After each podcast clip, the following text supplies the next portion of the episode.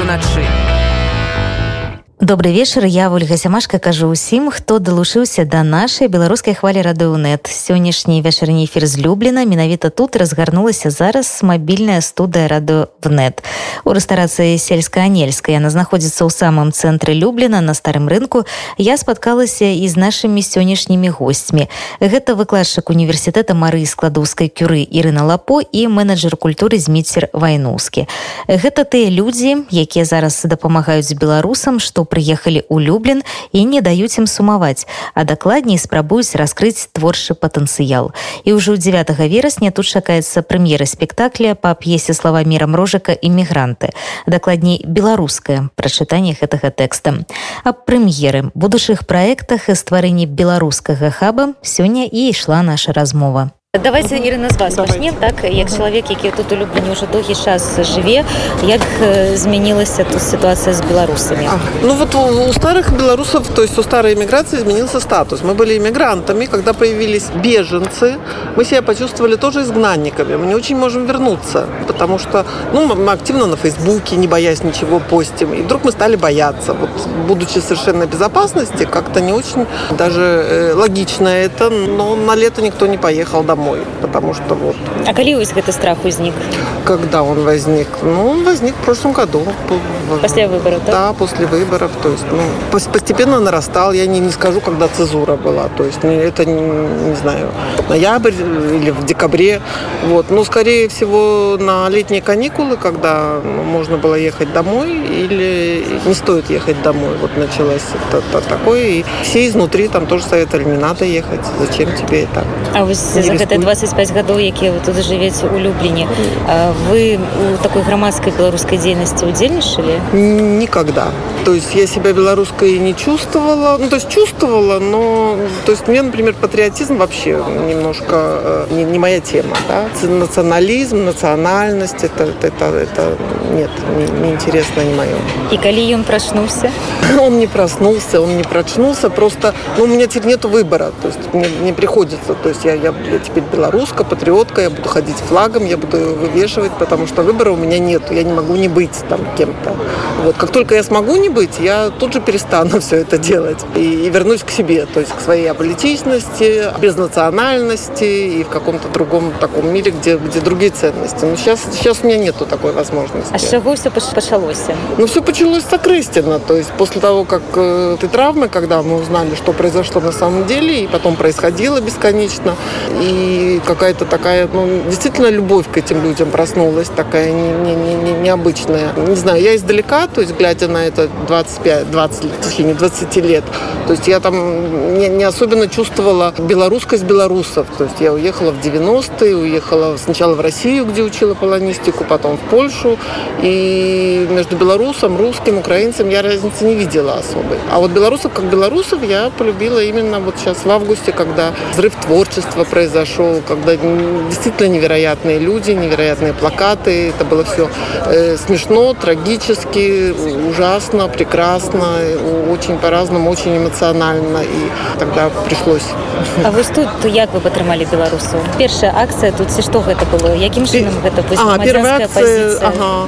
это ну в общем это было хомофабер у нас такая организация по защите прав человека и они организовали акцию телемост встреча с белорусами Вильна. И вот Змитер как раз, и еще одна девочка, которую я совсем не знала, они меня позвали принять участие в этом, в, этом мероприятии, то есть разговаривать, организовать, попереводить, и это можно уже назвать гражданской деятельностью. Так это не просто телемост, это портал, ну, да, это портал, так Вильню да, да. Вильню так. и Люблин, да. Вот это была моя первая патриотическая акция, надела красное платье, белую рубашку и вот пошла. А то так есть... это, раньше были в вашем гардеробе? Нет, никогда. То есть у меня не было ни флага, ни никогда я не носила красное платье, ни, ни погоню. Э, вообще не, нет. Дмитрий, давайте до вас перейдем. Ваша история. Яким чином вы у Люблине опынулись? Я был вымушаны раптовно съехать с Беларуси и меня запросил культурный фонд, який находится тут у Люблине.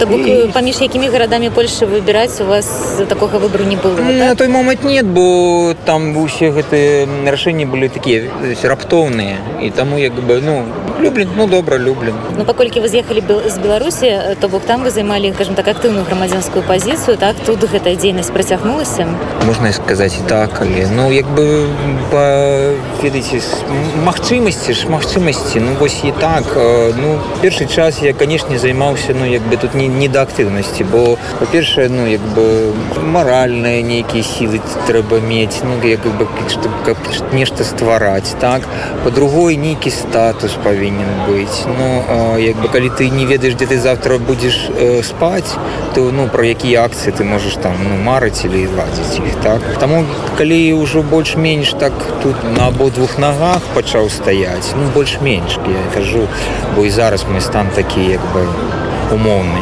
і ўжо з'явіліся нейкія кантакты я ўбачыў нейкіх людзей з якімі можна працаваць і нешта ствараць ну мы пачалі гэта делать А калі вы прыехалі вы беларусаў шукалі яны самі вас знайшлі ну безумоўна я шукаў я канешне знайшоў там суполкі на фейсбуку зайшоў туды а там апошнія паведамленне гэта реклама гэтых нагадкоў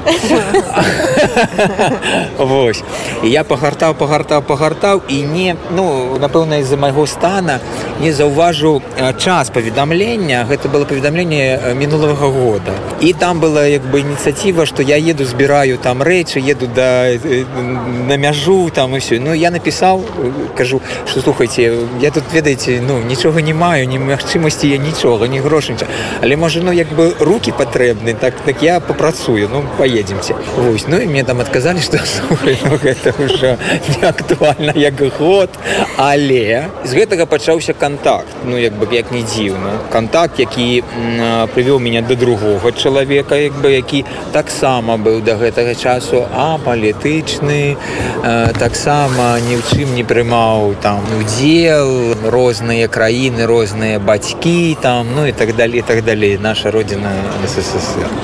Вось але пры дапамозе ўжо там гэтага чалавека мы я знайшоў там вось нейкі нейкія арганізацыі вось тое што пра што я казала Ірина хомафабер гэта ўжо польская арганізацыя а ўжо з'явіліся нейкія там ну разуменні контакты і вось пачала такая ну нейкая праца но яшчэ трэба бы дадаць что гэта ж усё было яшчэ калі быў кранцін і мы з хомафабер сустракаліся на пляцы літоўска і былі на пляцы адні нікога акрамя нас вось на пляцы не было разумееце якая вось жыццё было улюблен я прыехаў я тут вот у старуцы у гэтай вот выходзіў на шпацыр і хадзіў адзін адзін я выходзіў гэта было насамрэч вельмі зручна і вось таму ну разумееце калі э, был дзень волі і на дзень волі э, вось каля э, палякаў няма і толькі там гэта 10 беларусаў выйшлі са сцягамі гэты 10 было зашмат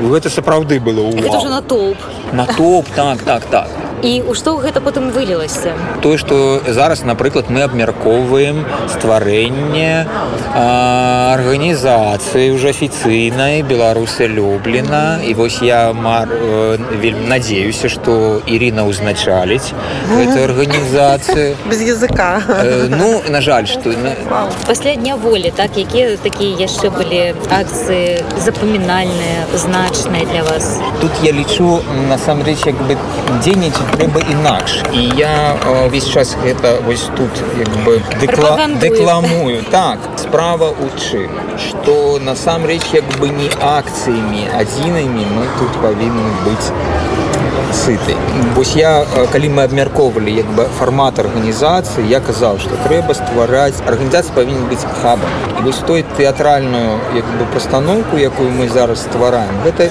па сутнасці частка вось гэтай як бы стратэгіі даць магчымасці а не толькі выходзіць са сцягамі разумееце гэта розныя рэчы так трэба падтрымліваць як бы ну моўна кажучы палітычную якую як бы там дзейнасць але справа не ў гэтым людзі вяртаюцца з цягам гэтым дадому і што далей дзе гэтая сувязь гэта не не адзіная сувязь беларуса з беларусам выйсці на плошчу сцяг трэба камунікаваць трэба працаваць побач трэба ствараць трэба ствараць культуру насамрэч трэба ну ствараць быць часткай культуры быць культурай і так далей дзеля гэтага вось патрэбны вось такія проекты Ирина, вы згодны с такой позицией?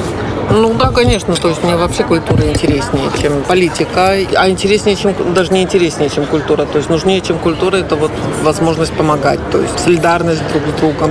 Потому что ну, вот организация нужна просто для того, чтобы когда приезжают беженцы, приезжают те, кого изгнали, им было к кому пойти. Вот, э, они могли рассчитывать на нашу помощь э, информационную, но тоже такую, ну, не знаю, общественная какая-то такая деятельность. А шмат людей приезжают с Беларуси зараз? Приезжают, да, да. То есть, может быть, они не остаются в Люблине, но приезжают знакомые, приезжают э, знакомые знакомых, студенты, есть иммиграция, которая просто устала и не может выдержать. А кроме того, хотелось бы тоже создать какие-то возможности при помощи ну, и польских организаций, и, и, и белорусов, которые на месте, для тех, которые остались там, э, чтобы они могли, ну, не знаю, приехать, реализовать проект, немножко подышать э, другим воздухом, прийти в себя, сказать то, что хочется, без оглядки на цензуру, но с возможностью, например, сказать это, э, не знаю, в маске, под псевдонимом, высказаться, ну, то есть какой-то такой вот создать, то есть канал свободной мысли. А вот по ваших оценках, сколько белорусов было до минулого лета в Люблине, так, и вот сколько зараз? Вот, я думаю, три с половиной человека и 120, вот так вот. Если вы хотите точных цифр. Не, это такая атрымалася пропорция. Такая докладная, я бы сказала. На какой стадии зараз стварэння этой организации Беларуси Люблина? Э, ну, 14-го мы с Кристиной, это тот человек, которого встретил Дмитрий, который между Литвой, Украиной и, и Белоруссию мигрировал, выбирал. И оказался тоже белорусом, в конце концов.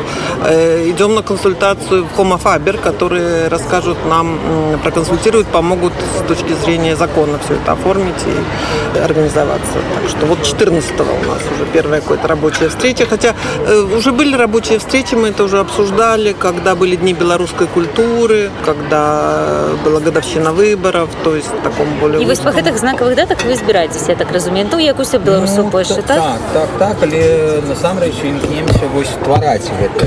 Ну, тое, пра што я кажу, што не чакаць насамрэч, ну, як бы, вось, як, ёсць нейкая палітычная як бы, з цэнтру адтуль ініцыятыва і нам як бы трэба яе падтрымаць не насамрэч гэта больш цікавей ствараць гэтыя даты гэтыя брэзы мерапрыемства і так далей а наступная дата якую вы ствараеце ведаеце 9 бо нам 9 верасня верасня ага. бо нам вельмі ну, я ж кажу складана ўсё ж таки ну гэта цяжкі труд такі театр 9 а там уже будзе у нас прэм'ера та расскажыце мне гэта паўнацэнны э, тэатр зараз што гэта вылілася ці гэта просто пакуль одна постановка нет ну это конечно это не, не, не, не полноценный театр то есть вот это то о чем мы может быть мечтаем и может быть это получится но вот на данный момент э, на артистическую резиденцию художественную резиденцию вообще не знаю как сказать резиденция артистычна да пригласили режиссера и актрису из минска которые приехали делать такую постановку,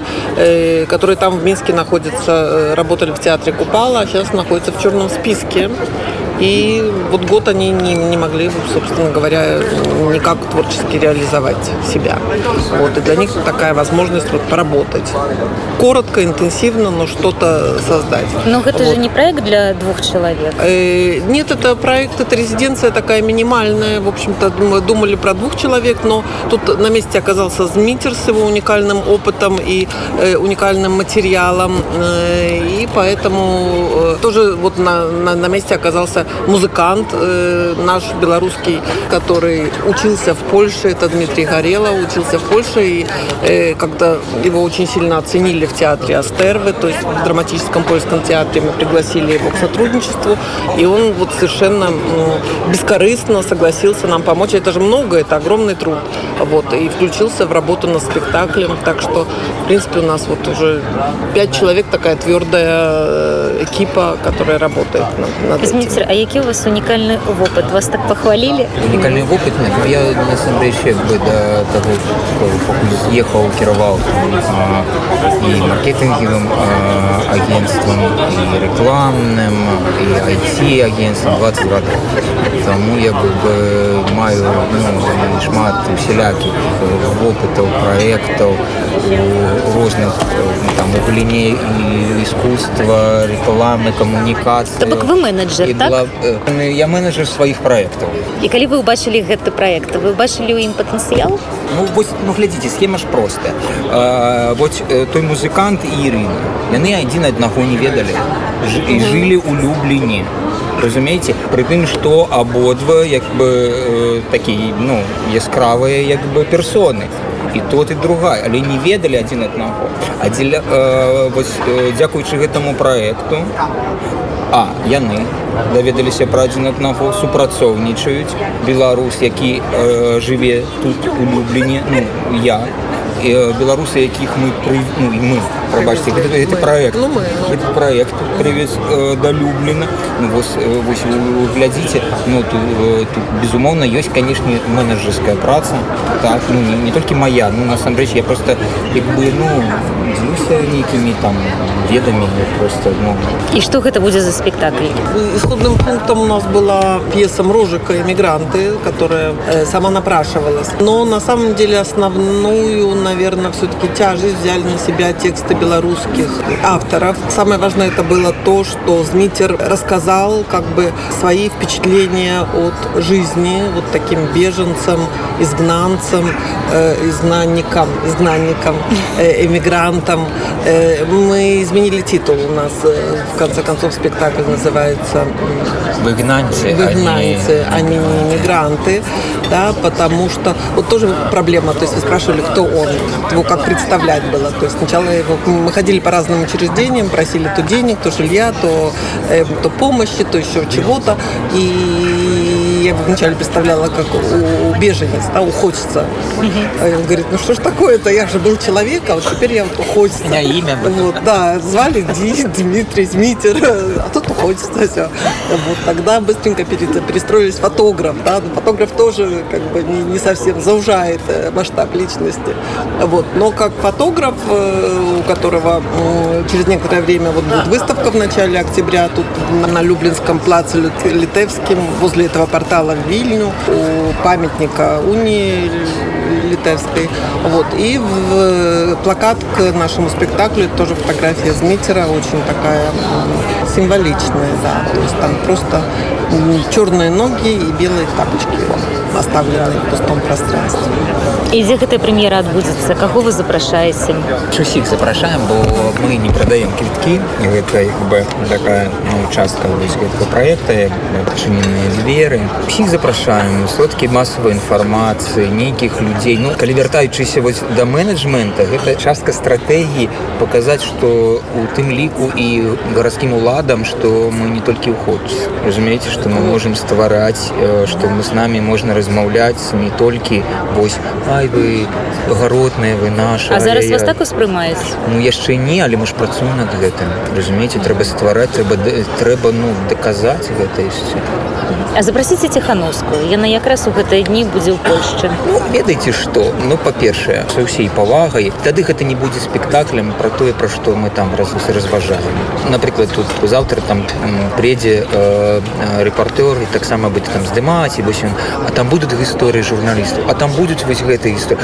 А вось пішу ну мы не пра гэта насамрэч не толькі пра гэта ну разумееце ну беларусы беларускія пратэсты і і ўсё што ну, на сённяшні дзень вы звязаны з нашим жыццём гэта ж не толькі вось вось вось ну гаротная гісторыя трэба ісці далей мы насамрэч як бы э, не выглядала гэта сёння мы перамагаем бо у нас ёсць веды у нас есть культура у іх них няма нічога няма нічога ніякіх ідэй ні людзей ні каманды ні стратэгіі ні, ні, ні грошай зараз нават не нічога няма і таму насамрэч трэба ісці далей і такім чынам не перамо Ну як вы калі ўжо казаць правось ну як бы гал такія глобальныя А калі ваш спектакль не пра гаротных беларусаў то пра што я про ўсё пра адчуванне насамрэч пра тое як быць беларусам і як э, беларусу э, як, як, як беларусы адчуваюць сябе тут вось у гэтым стане як беларусы паглядзелі на саміх сябе разумееце на, на сваё жыццё бо гэта ж магчымасць зрабіць крок э, у бок і паглядзець на сябе як бы звонку А хто я а што я як я і які я вось у гэтым на самым рэч новым мір што я магу на што я здольны што мне цікава прымерыць нейкія іншыя камізэлькі разумееце бо э, я тут вось Ірына ўвесь час смешу усялякімі гісторыямі бо тут насамрэч вельмі вельмі шмат дзіўнага і я вось у першы раз опынуўся на у Европе ў такім маленькім э, мястэчку на такі вось доўгі час і таму маі вось это назіранні падрабязна і у меня уже ствараецца фотопраект про гэта про все про вось гэта вось невялікае жыццё тут так шмат і гэта праз вочы беларуса разумееце про наши адчуванні і, і я тут смеюсь не толькі там з іх і з сябе таксама бо э, той вось этой унутраны Беларусь які ходзіце пытаць чаму так брудна ну, чаму так брудна калі так все прыгожа чаму так брудна ну і так далей ну і шмат шмат мат э, яшчэ чаго вам цікава было працаваць над гэтым проектом ну безумоўна безумоўна бо вось сёння у мяне якраз пыталі якраз іншая журналістка пыталася і кажа ну як мы цяжко было кажу видите я не маю тут вось мяжы не адчуваю я як бы ну гэта частка майго жыцця я прыйшоў вось зышоў са сцэны гэта тое ж самае я зараз себе вось менавіта так а для сябе вы адказалі на вось гэта фундаментальнае пытанне фундаментальна яка ну якія вось вы задаеце ў спектаклі ніякі спектакль не можа не адказаць на фундаментальнае пытанне можа паспрабаваць гэта зарабіць але гэта смешна мы это толькі у стварэнні самого пытання ось стварыць якаснае пытанне а яшчэ лепей калі ты можаш не пытацца про вось гэта не пытайся Ирина, а вас вынік задавальняем? Я так разумею, что вы бачили уже репетиции. Да, конечно. Что же я могу сказать? Но, не, ну, на самом деле спектакль очень интересный, потому что получилось, что он как бы и довольно оригинально, так по -по свежо прочитал Мрожика, про прочитали Мрожика, режиссер прочитал Мрожика, портрет белоруса, ну и портрет поляка. Такой немножко э, скептический, теплый, но остроумный. Э, то есть Дмитрий дописывал тексты, э, рассказывая о том, о том, как он видит этот город и этих людей. Использовали мы какие-то еще классические тексты, как «Неподлеглость», Орлова. Использовали также какие-то посты из Фейсбука, так, чтобы отдать голос там, простым массовым белорусам. Так что точно наш спектакль там «Рожик и белорусы». И они, в общем, очень гармонично сосуществуют на сцене. Ну, из 9 премьера, а как далее вы бачите жыццё этого спектакля? Побачим. Я не ведаю, никто не ведает. И мне подается, что мы повинны думать про іншие уже спектакли, про іншие проекты. А есть уже задумы? Ну, есть.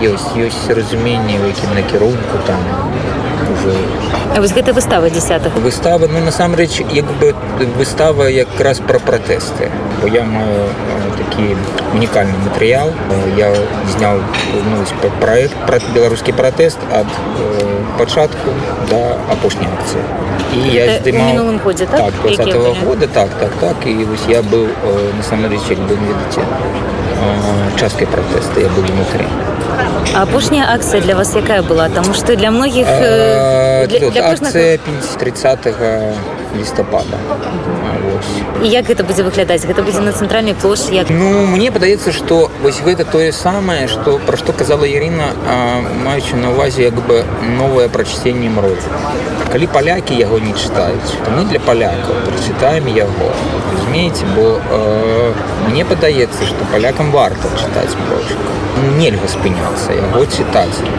і мне падаецца что мой матэрыял он весь э, зняць на плёнку на чарным бегу і калі на яго глядзець ну вось з э, адлегласці якой-небудзь так, так то ён вельмі вельмі падобны на здымкі пратэстаў э, часовой салідарнасці і розніцы там насамрэч не шмат А як вы гэтыя пленкі вывозілі вы ж их вывозілі целая гісторыя насамрэч ну гэта такія гэта уже ведаце іншая размова гэта дэтэктыўная гісторыя як мы усе там выязджалі як мы пленкі вывозілі і, і, і так далей і яшчэ одна одной мэтай з'яўляецца ну вось гэтага як бы хаба і вось ну як бы працы ў такім фармаце бачце у такім фармаце як бы даць стварыць такой як бы паказчык як бы так мовіць для вось тых самых як бы гарадскіх уладаў як бы тых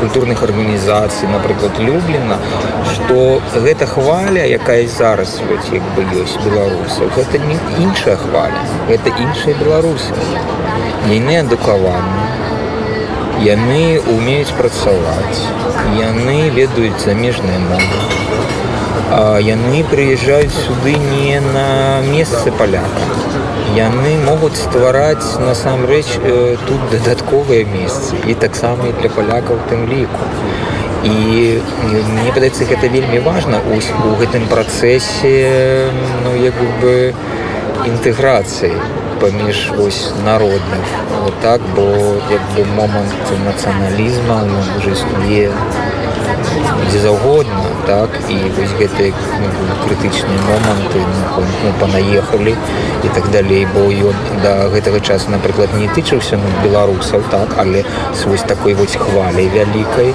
лічбы зараз уже такія десяткі тысяч так так уразлівая і таму як бы мне падаецца вось гэта якраз ну, такая вартая задача растлумачыць гэты момант і не толькі растлумачыць але і як бы зняць вось гэту напругу ну, у мяне лагічнае пытанне вы самі з гэтым сутыкаліся з тым што вы зараз расказваеце а, ну так пакрысе конечно так але канешне сустракаўся і ну і безумоўна я са сваімі вось як бы з гэтым бачаннем сваім ну як бы не іду туды дзе я упэўнены што сустр... ну, сустрэнуся Вось, а людзі ж прыязджаюць і не ведаюць Сёння нашымі гасцямі былі беларусы люблена выкладчык універсітэта марыі складоўскай кюры Ірына лапо і менеджер культуры зміцер вайноўскі сустракалася я з імі ў цэнтры люблена куды сёння прыехала рэдакцыя радыовнет